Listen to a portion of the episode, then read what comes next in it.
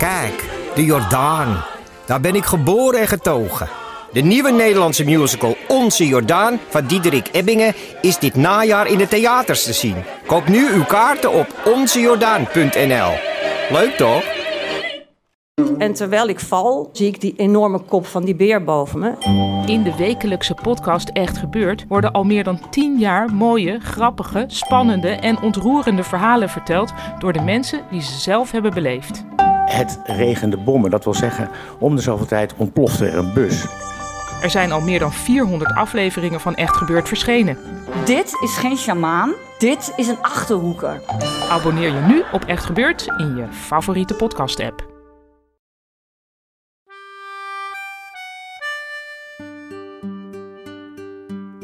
Dit is Man met de microfoon. Met echte en bijna echte verhalen uit een stadswijk. En ik ben Chris Baayema. We zeiden vroeger eh, altijd eh, van als het brandt, laat maar lekker branden. We zijn verzekerd, maar je komt in een hele rare molen terecht als het zo is. Hij zegt altijd, altijd, hé, hey, Pik, mag ik van jou broodje warmen? Hé, hey, dag Pik, bedankt Pik, alles Pik. Nou. Met een muts op en, uh, en een sjaal voor zijn gezicht, zeg maar. En uh, ja, met een getrokken wapen. En, en, ja, dat was dan zo. En ik zeg, waar bemoei je je mee? Weet je? dat ben ik niet gewend. Ga op een stretcher liggen en ga naar de sterren kijken. Ja, welkom bij aflevering 4 van Man met de microfoon. En ik denk dat je het inmiddels wel weet. Ik rij met mijn uh, oranje bus de buurt in om mensen te interviewen. En dat kan in principe elke stadswijk zijn, maar dat is de mijne, omdat ik denk dat je niet ver hoeft te reizen om mooie verhalen te vinden. En uh, ik werk elke maand, tenminste tot nu toe dan, uh, volgens een thema. Ook nu weer.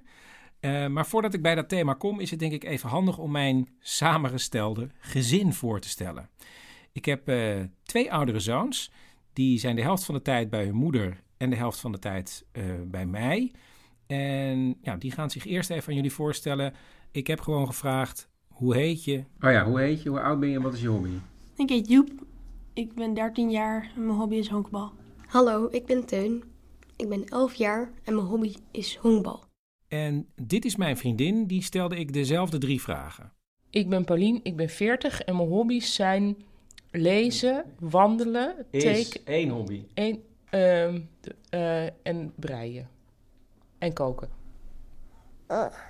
Ja, en dit is, dit is het zoontje van Pauline en mij, Wiek. En die is bijna één. En nu komen we bijna bij het thema. Maar eerst moet ik mij nog even voorstellen. Ik ben Chris, ik ben 44 en mijn hobby is slapen.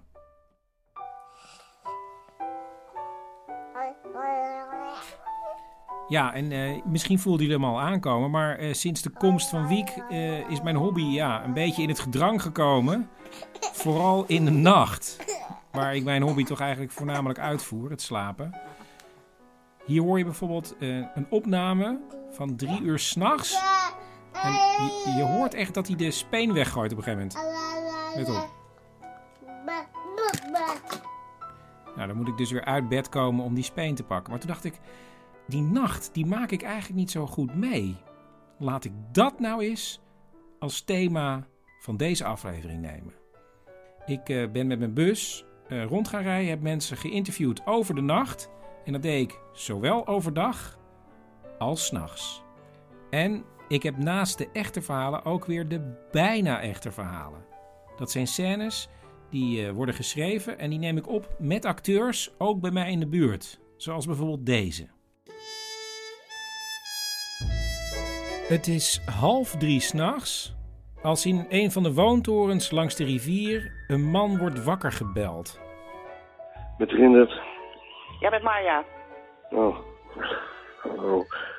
Ik droomde net over jou. Nou, is het weer zover? Ja. En dit keer vond je het per se nodig om met mij naar een heel druk dansfeest te gaan. Terwijl je weet dat ik dat helemaal niet leuk vind. Nee. Nou ja, en... Uh, en doen? Uh, en ik zei dus, wat doen we hier in godsnaam? En toen zei je, ach mens, leer toch eens een keer lekker lichamelijk te zijn. ja, ja, zo leuk was dat helemaal niet hoor. Ja, dat zei jij, ja. ja. Want je zei het expres ook zo hard mogelijk dat iedereen het kon horen. Ook allemaal Brazilianen. Ja. Ja. Maar die konden het natuurlijk niet verstaan. Jawel. Het waren allemaal Braziliaanse Nederlanders.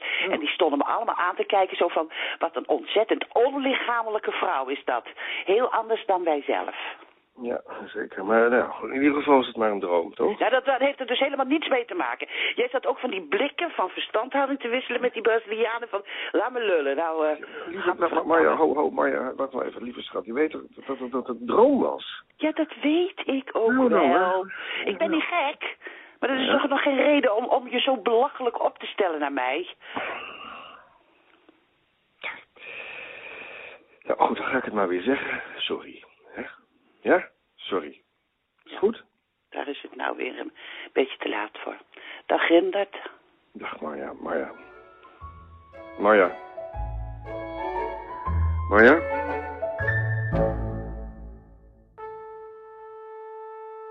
Voor een van mijn favoriete koffiewinkels sprak ik met een jongen over ja, waar je bang voor was als je vroeger ging slapen. Ja, ik denk dat dat, eh, dat, dat eh, geesten waren onder mijn bed. Maar je dacht echt dat ze er waren? Ja. Ja, maar hebben we wel over heel lang geleden, hè? Dat was niet eh, vorige week of zo. Nee, oké. Hoe oud was je toen, denk je? Ik denk een jaar of eh, zes. Ja, er zat er, was er één eh, onder mijn bed en één die, die, eh, die, zat, die was boven. Die was blauw en die kwam eh, met een wenteltrap naar beneden. En dan moest ik, voordat hij bij mij was, moest ik de trap afrennen en eh, bij mijn ouders eh, eh, naar binnen glippen. En, en dan was het allemaal oké. Maar als ik dat niet deed, dan, dan kregen ze me te pakken. En dan gingen ze me kietelen. Dus het was wel eng, maar niet, dat kietelen is niet heel erg eng. die- jawel, Oh. dat was verschrikkelijk eng. Ja, ja. Daar had ik een grote, grote angst voor.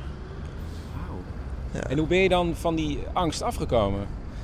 Nou, ik denk, eh, als je op een gegeven moment heel groot wordt, zeven of zo, dan geloof je natuurlijk niet meer in geesten. Dan gaat dat, gaat dat weg. Ja.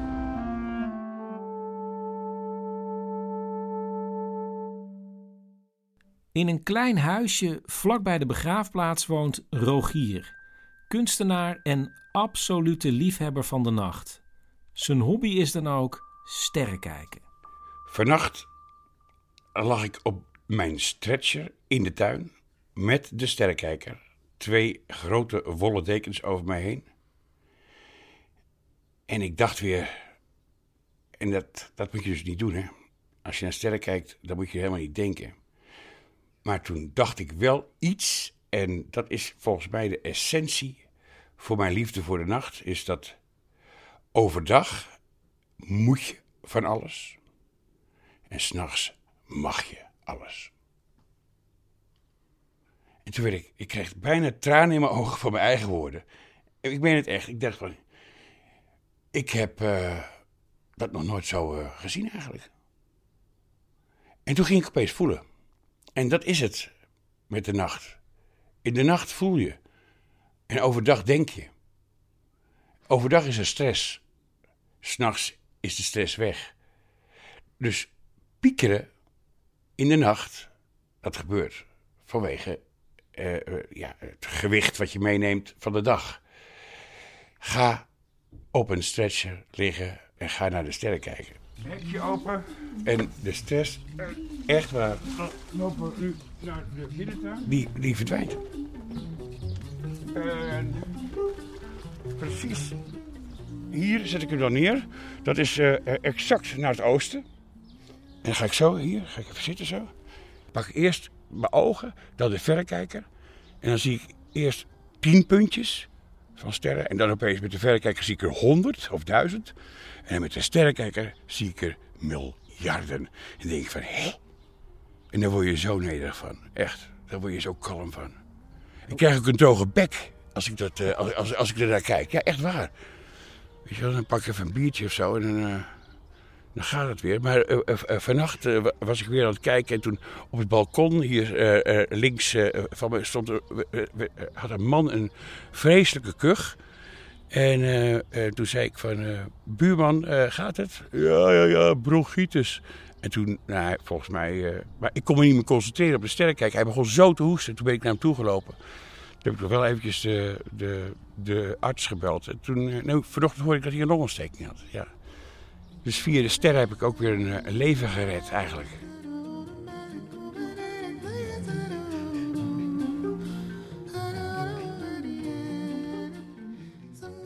Nadat alle cafés al lang gesloten zijn, kom ik nog een groepje studenten tegen.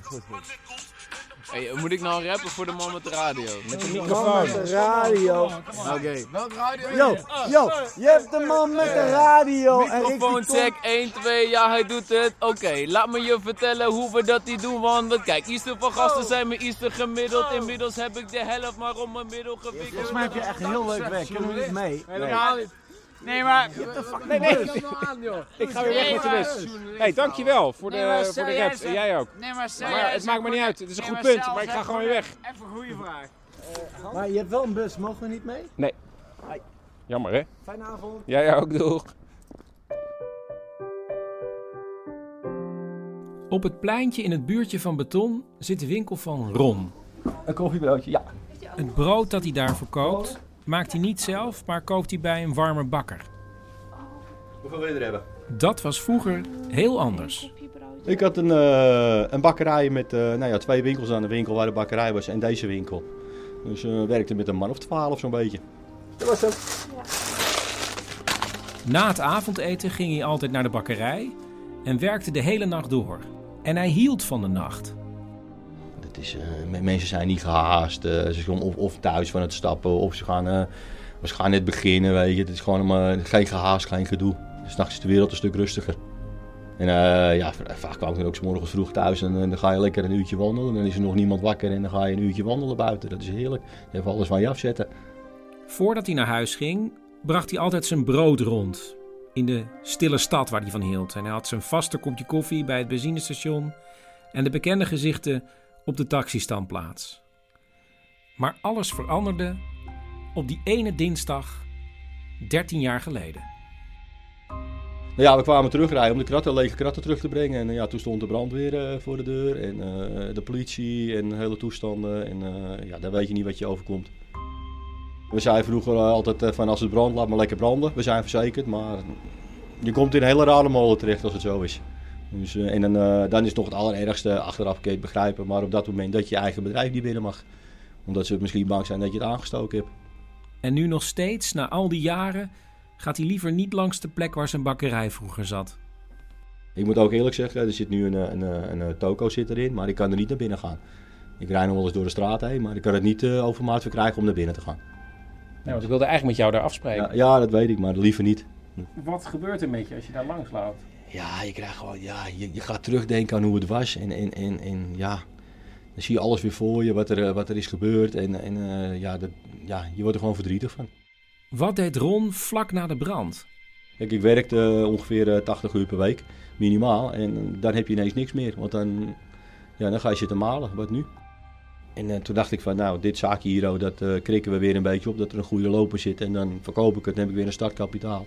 Om een nieuwe bakkerij te beginnen. Maar ja, dan ga je weer. Dan ga je weer van voren aan beginnen. En inmiddels waren we natuurlijk een beetje gewend aan dat we s'avonds samen aan tafel konden eten. En dat we samen naar bed gingen s'avonds. En in plaats van de een eruit, de ander erin. En ja, dus we waren eigenlijk zoiets van, het is wel goed zo. Nu hij het nachtleven voor langere tijd had opgegeven, bleek dat de dag hem zoveel te bieden had dat hij niet meer terug kon. Ja, allemaal van dat soort kleine dingetjes. eh dat zeggen, ja, kinderverjaardag, voetballen kijken. Als het WK is, ja, ouderavond waar je nooit naartoe kan, dat je moest werken. Bij je vader en moeder een bakje koffie doen. Ja, dat ga je niet s'nachts om 12 uur doen. Dus, eh, en, nu kun je dat gewoon overdag weer doen als je dat wil. Dus, Ben je eigenlijk dan gelukkiger geworden op een bepaalde manier? ja, achteraf wel, ja. Maar op dat moment denk je daar niet aan. Maar het zijn eigenlijk al die kleine dingen. Al die kleine dingetjes, die, eh, ja, die, die, die streep je in, in die tijd dat je s'nachts werkt, denk je daar gewoon niet aan. Maar als je dan ineens overdag gaat werken, denk je, ja, dat heb ik toch eigenlijk al die tijd wel een beetje gemist. Dus geen bakkerij meer met heel veel personeel, maar een broodjeszaak in zijn eentje. Het bevalt me zo goed hier, hoor. En ik vind het geweldig. Dus eh, ja, ja, ja, ja. Dus, dat, eh, dus we blijven het lekker gewoon zo doen. Ja, je bouwt een band op met mensen. Het is, eh, ja, de- zoals je ziet is het een beetje meer tegenwoordig een broodjeszaak aan het worden. Dus het is hartstikke gezellig. Dus Ja, een heel ander leven. Ik moet er ook niet meer aan denken om nu iedere nacht eh, nog te gaan werken. Dat eh, echt niet. Nee, nee. Dankjewel. Hetzelfde. Doei.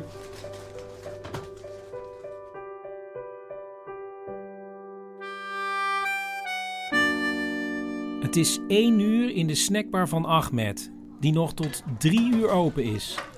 En daar komen bijzondere mensen langs. Vertel maar, vanaf Ja. het begin. Vanaf het begin. Ik was, ik was pas vijf, zes jaar in Nederland. En ik heb eh, de snackbar nog. En eh er komt een eh, klant, zo'n bouwvakker figuur. Eh, Hij zegt altijd, altijd, hey, Pik, mag ik van jou broodje warmen? hey, dag Pik, bedankt Pik, alles Pik. Nou, in het begin was ik kwaad, maar begrijp ik wel dat het, eh, het is geen belediging wordt. En daarna komt er dezelfde tijd komt een andere vrouw, die, die werkt in de kroeg. Ik zeg, oh, eh, mag ik patatje van jou scheet? Hey, scheet, dag scheet, hetzelfde verhaal. Maar na drie jaar, die twee komen tegelijkertijd samen. En hij zegt tegen mij, hé, hey, ken jij Ahmed ook? Dat is mijn zuster. Dat waren broer en. broer en zuster. Dus Pik en de scheet waren broer en zuster, maar dat wist ik niet al drie jaar lang. Zo grappig.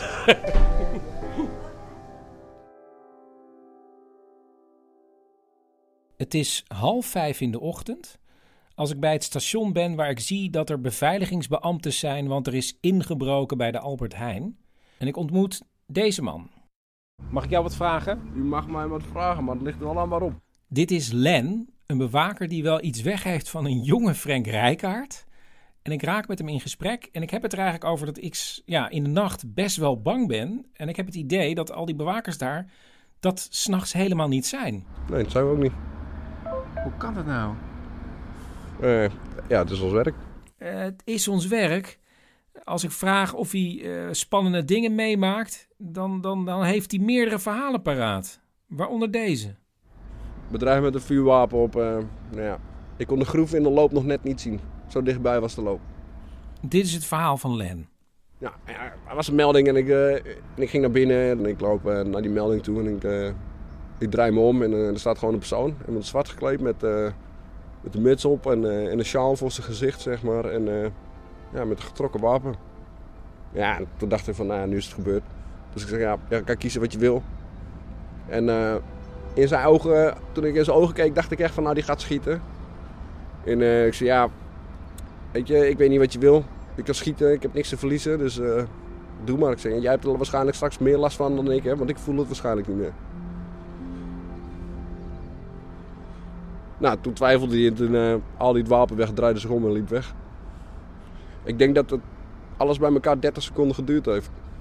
Maar je kijkt in de loop en, maar ach, lijkt de tijd wel te vertragen hoor.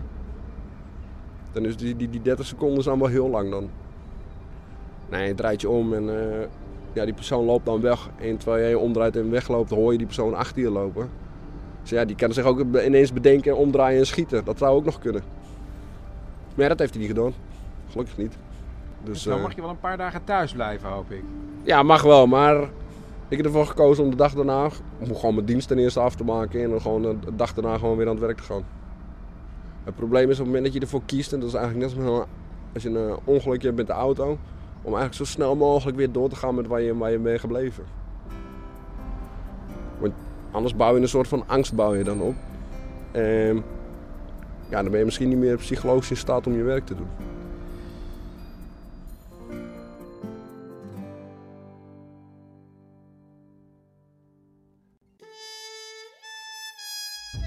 Even voor middernacht heb ik bij een van de kleinere treinstations afgesproken met de heer Pauw van Wieldrecht. Zijn familie had vroeger een landgoed op de plek waar nu mijn stadsdeel is. Hallo. Hoi, hallo. Ja, opschiet alsjeblieft. Ja, in beweging komen, want je moet hier niet te lang stilstaan. Maar dat zal je zo zelf wel merken allemaal. Oh. Hopsakee. Wacht even, hou je vast, zet je schrap. Gaan we. Hopsakee, de buurt. Oh, oh, oh, Hopsakee. oh. Kijk, er lopen een paar jonkies, zie je ze? Een paar kleintjes. Lopen hier heel laat op straat allemaal. Maar we zijn hier nu voor de Ghetto Drive-Thru. Ja, De Ghetto Drive-Thru, ja. Eigenlijk eh, gewoon met je vrienden de Land Rover door de armoede heen trekken. Eh, zo begon het in ieder geval. Volledig uit de klauwen gelopen inmiddels. Ik hoop toch echt in de toekomst eh, hier met een Land Rover of eh, zes midden in de nacht door die buurt te karren. En er lijkt eh, behoorlijk wat interesse voor te zijn. En vroeger was het hier natuurlijk een soort Downtown Abbey. Hè, toen mijn familie hier nog het landgoed bezat. Maar tegenwoordig is het net alsof je Breaking Bad binnenrijdt of, of Homeland. Ken je dat? Maar het is hier toch niet een Los Angeles of zoiets? Levensgevaarlijk, Chris. Levensgevaarlijk.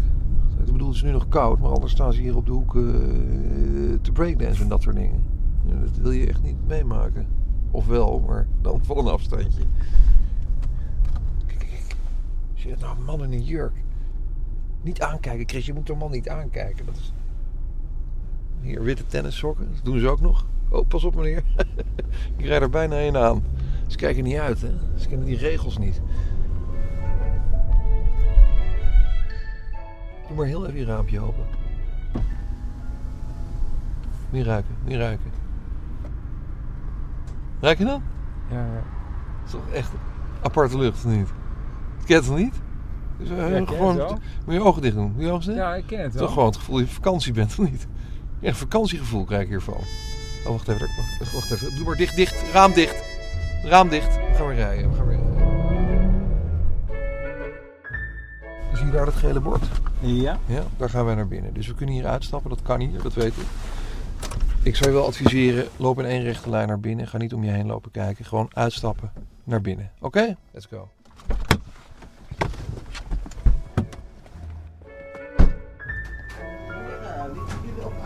Ehm, ik zou heel graag eh, alsjeblieft een eh, rotti kip eh, willen. En een, eh, een Hernandez, alsjeblieft. Gaat zo mee hoor. Oké, en bedankt. En Hartelijk fijne dank, avond, mevrouw. Dag mevrouw, dag hoor. Dag. Ja, ja, ja. Ja, heel goed. Nu ga je wat meemaken, echt waar. Leopold is een van de acteurs die meespelen in mijn bijna echte scènes. En hij is ook mijn overbuurman. En hij zit onder andere in de telefoondialoog aan het begin van deze aflevering. Ehm, en Leopold vertelde mij een keer een verhaal wat heel goed past bij het thema de nacht. Want hij heeft een keer zelf een nacht gecreëerd. En eh wordt allemaal duidelijk hoor, als hij het verhaal vertelt. Want eh, ik mocht het bij hem opnemen. Dus ik ging bij hem langs. En eh, nou ja, het was nu niet eens een keer voor een scène, maar voor een echt verhaal. Dan moet ik goed nadenken wat ik zeg. En, en ik, je zit ook gewoon in mijn aura nu met dat ding. Met die stofkap. Maar als we een scène opnemen, zit ik op exact dezelfde afstand. Ja, maar dan kan ik, dan kan ik, dan heb ik er geen last van. Nu denk ik van, hé, hey, dit gaat over mij, niet doen. Kom, Dan is het mijn aura. Ja, gek hè? Goed, het verhaal van Leopold. Begin maar. Ja, wij kregen onze, ons tweede kind en toen moesten we verhuizen. En toen konden we binnen de stad, werd- was het allemaal niet te doen. En toen zijn we naar een andere stad gegaan. Een kleinere provinciestad. En dat hebben we op een heel stom moment besloten. Ehm, En toen hebben we eigenlijk alleen maar heel praktisch gekeken. Dit is Helene, de vrouw van Leopold. En toen hebben we een huisje gevonden in een buurt. Waar we eigenlijk alle twee al vrij. Nou ja, volgens mij toen we er aankwamen al voelden dit. dit er zat nooit een gevoel bij van yes. Dit wordt de plek waar wij gaan wonen. Waar wij die volgende fase gaan doen met twee kinderen. Dat gevoel is er nooit geweest. Gek genoeg doen ze wel een bod op het huis. En toen eh, belde Helene op, die was op een feestje. En die zei, ja, ik ben net door de makelaar gebeld. We kunnen dat huis toch krijgen voor die prijs. En ik van, ja, eh, ja ik moet zo werken. eh, wat zullen we doen? Nou ja, ik weet het ook niet waar. Het is wel een kans. Ja, nou ja, laten we het doen dan. En dus kopen ze een huis in een buitenwijk van een kleinere stad. Het was een ongekend truttig wijkje. Het enige wat er was, het waren of rollators of kinderwagens. Het was echt zo'n... zo'n het lag eh, prachtig, het lag te- tegen de duinen aan. Dus het lag... Je had, ja, op papier zag het er fantastisch uit. Maar de mentaliteit in dat... En, en ja, wij komen dan uit, uit een andere stad. We, we, we, we, we mengden gewoon niet. We hadden het niet het gevoel... We hadden er ook geen zin in gewoon. Weet je wat ook zo vervelend was? Dan stond ik, stond ik op een gegeven moment bij het supermarktje vlak om de hoek. Allemaal heel gezellig, kon je zo naartoe wandelen. En dan eh, stond ik naast iemand bij de kassa. Die zei dan, zo, vanmorgen gestofzuigd. En, en ja, dat was dan zo. En ik dacht, waar bemoei je je mee? Weet je? dat ben ik niet gewend. In de- in- ik kom uit een grotere stad, dus ik ben niet gewend dat mensen dan door de ramen naar binnen kijken om te weten wat je doet. Helene doet ook boodschappen bij het winkeltje. En toen stond ik achter een mevrouw die op haar sloffen een pakje bloedworst dik kocht. En ik dacht, ik wil niet in een buurt wonen waar mensen op hun sloffen een pakje bloedworst dik kopen. Ik, ik werd er zo kriegel van. Werd er echt, echt een nachtmerrie. En ik weet wel dat ik op een gegeven moment 's ochtends op de bank lag met mijn dikke buik en het gordijn opendeed, naar buiten keek en huilend het gordijn weer heb dichtgetrokken van ellende. Van ik wilde daar niet zijn. Mensen in de buurt zeggen dat het gewoon een paar jaar duurt en dat je vanzelf weer nieuwe vrienden krijgt. En wij, ja, hoezo nieuwe, nieuwe vrienden? Ik wil maar geen nieuwe vrienden. Ik wil dat, dat mijn oude vrienden, dat ik, dat ik die gewoon, dat ik even op de fiets naar ze toe kan of af kan spreken in de kroeg. En niet dat ik op zondagmiddag, dat ze een familiebezoekje komen brengen, mijn oude vrienden. Een buurvrouw denkt dat er misschien een kwade geest in hun huis hangt en regelt een specialist. Met wierookachtige toestandje. Die heeft daar met, die ging gebaren maken in iedere kamer en die voelde ook dat er iets niet goed was. Ik wil het, het- en dat past helemaal niet bij mij om zoiets aan te gaan. Maar ik dacht, alles om het maar hier goed te krijgen. Want ik zag wel dat onze oudste dochter het heel fijn vond. Want die kon zelf naar buiten, die kon zelf naar het speeltuintje. Die was bevriend met het buurjongetje. Dat waren een soort Jip en Janneke met z'n tweetjes. Dus ik voelde me alleen maar schuldig. En we kregen daar ons eh, tweede kind. En we dachten elke keer maar, ja, het is niet het huis waar we gelukkig zijn. En het is helemaal niet fijn. En als we nou, ja, maar als we dat- die plinten nou iets hoger maken, dan, dan wel. Of ja, maar als we daar nou glas en lood in zetten, dan wordt het toch alweer een leuk huis. Of als we, als we, dat, nou, als we dat nou verven. Ieder schroefje stond eigenlijk symbool voor dat is dan de oplossing. Dus we hebben ons helemaal gek geklust. Totdat een vriend zei, eh, je kunt toch verhuizen? En ik denk, hé, verrek. Ik, maar ja, wij woonden er maar negen maanden. Hè? En toen zei Leopold, nou oké, ga maar dan wat kijken. En dan zien we wel, als je dat rust geeft. En toen was bij het derde huis, was het raak. Toen was het een huis waarvan ik dacht, ja, dit is wat ik bedoel. Ze kopen een oude apotheek in hun oude stad, verbouwen weer een paar maanden en verhuizen. Dus toen kwamen we hier, toen was het klaar, toen konden we erin. En toen werden we alle vier hartstikke ziek. En mensen zeiden, ja, dat komt omdat het, er hangen die oude bacillen van de, van de apotheek. Daar hangen allemaal ziektekiemen. Dus ja, jullie worden ziek. En toen hebben we nou weer een verkeerd huis gekocht? Godverdomme, haal maar niet op. En Helene die, die begon ook op een gegeven moment over... ja, misschien moeten we toch weer terug. Ik, dat andere plekje was toch beter. ik, ik zei, nou moet je god, we kregen een enorme ruzie. En nou, het- we kwamen er niet meer uit. We raakten helemaal in de stress. En toen kreeg ik de hik. Ik kan me niet echt het begin herinneren. Nee. nee. Nou, dan denk je, de hik, dat gaat wel over, maar dat duurde vrij lang.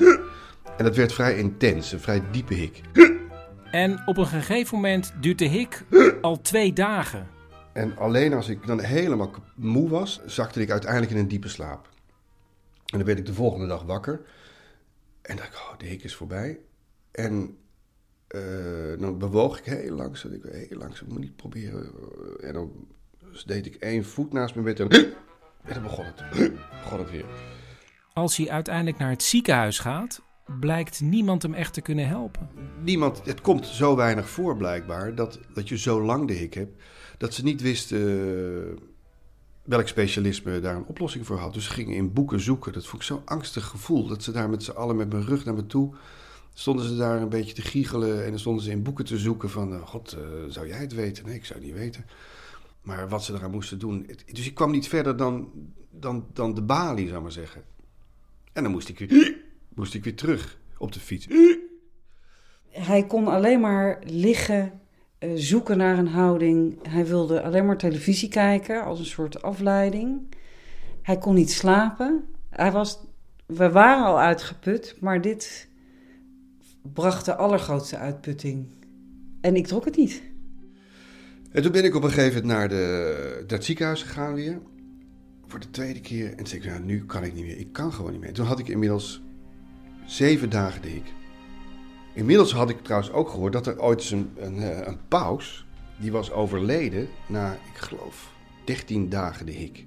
Dus ik, ik kneep hem al een beetje. Ik zat al op zeven.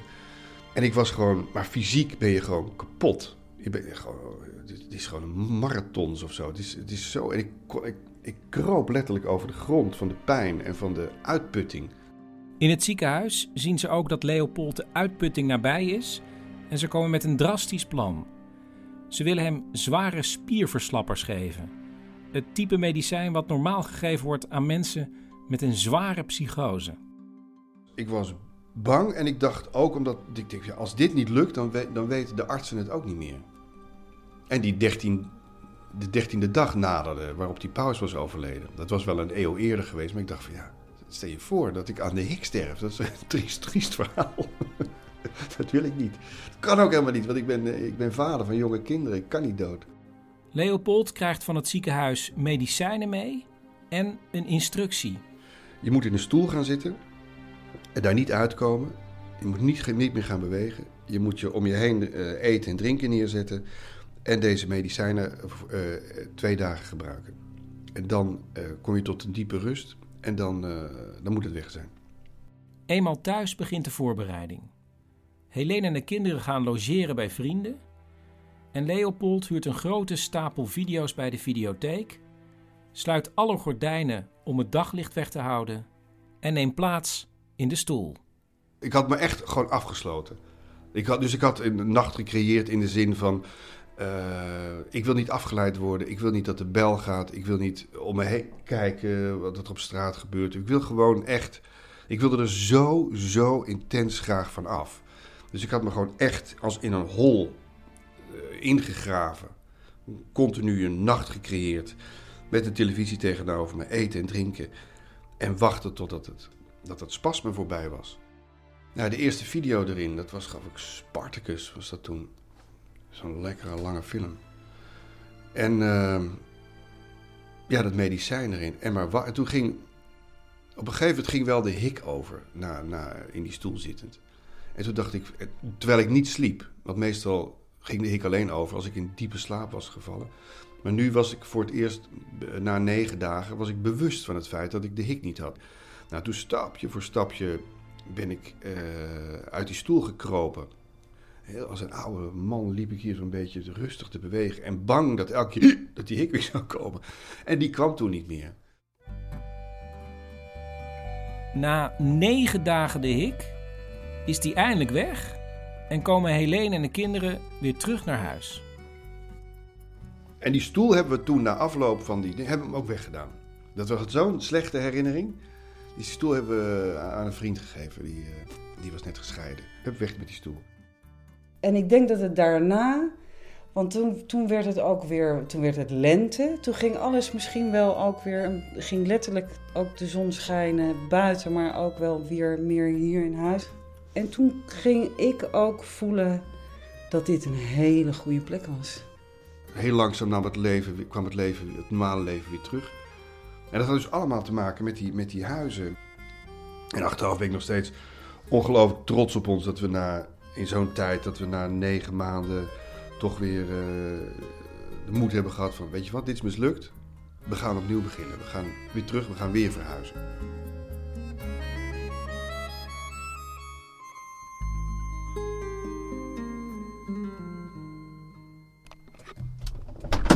Winkelstraat. De nacht is voorbij, het wordt al licht. En er is hier een bakker. 3 voor 1,50. Ik koop eh, croissantjes voor thuis. Alsjeblieft. Heel erg bedankt. Alsjeblieft. Oké, dankjewel. Doeg.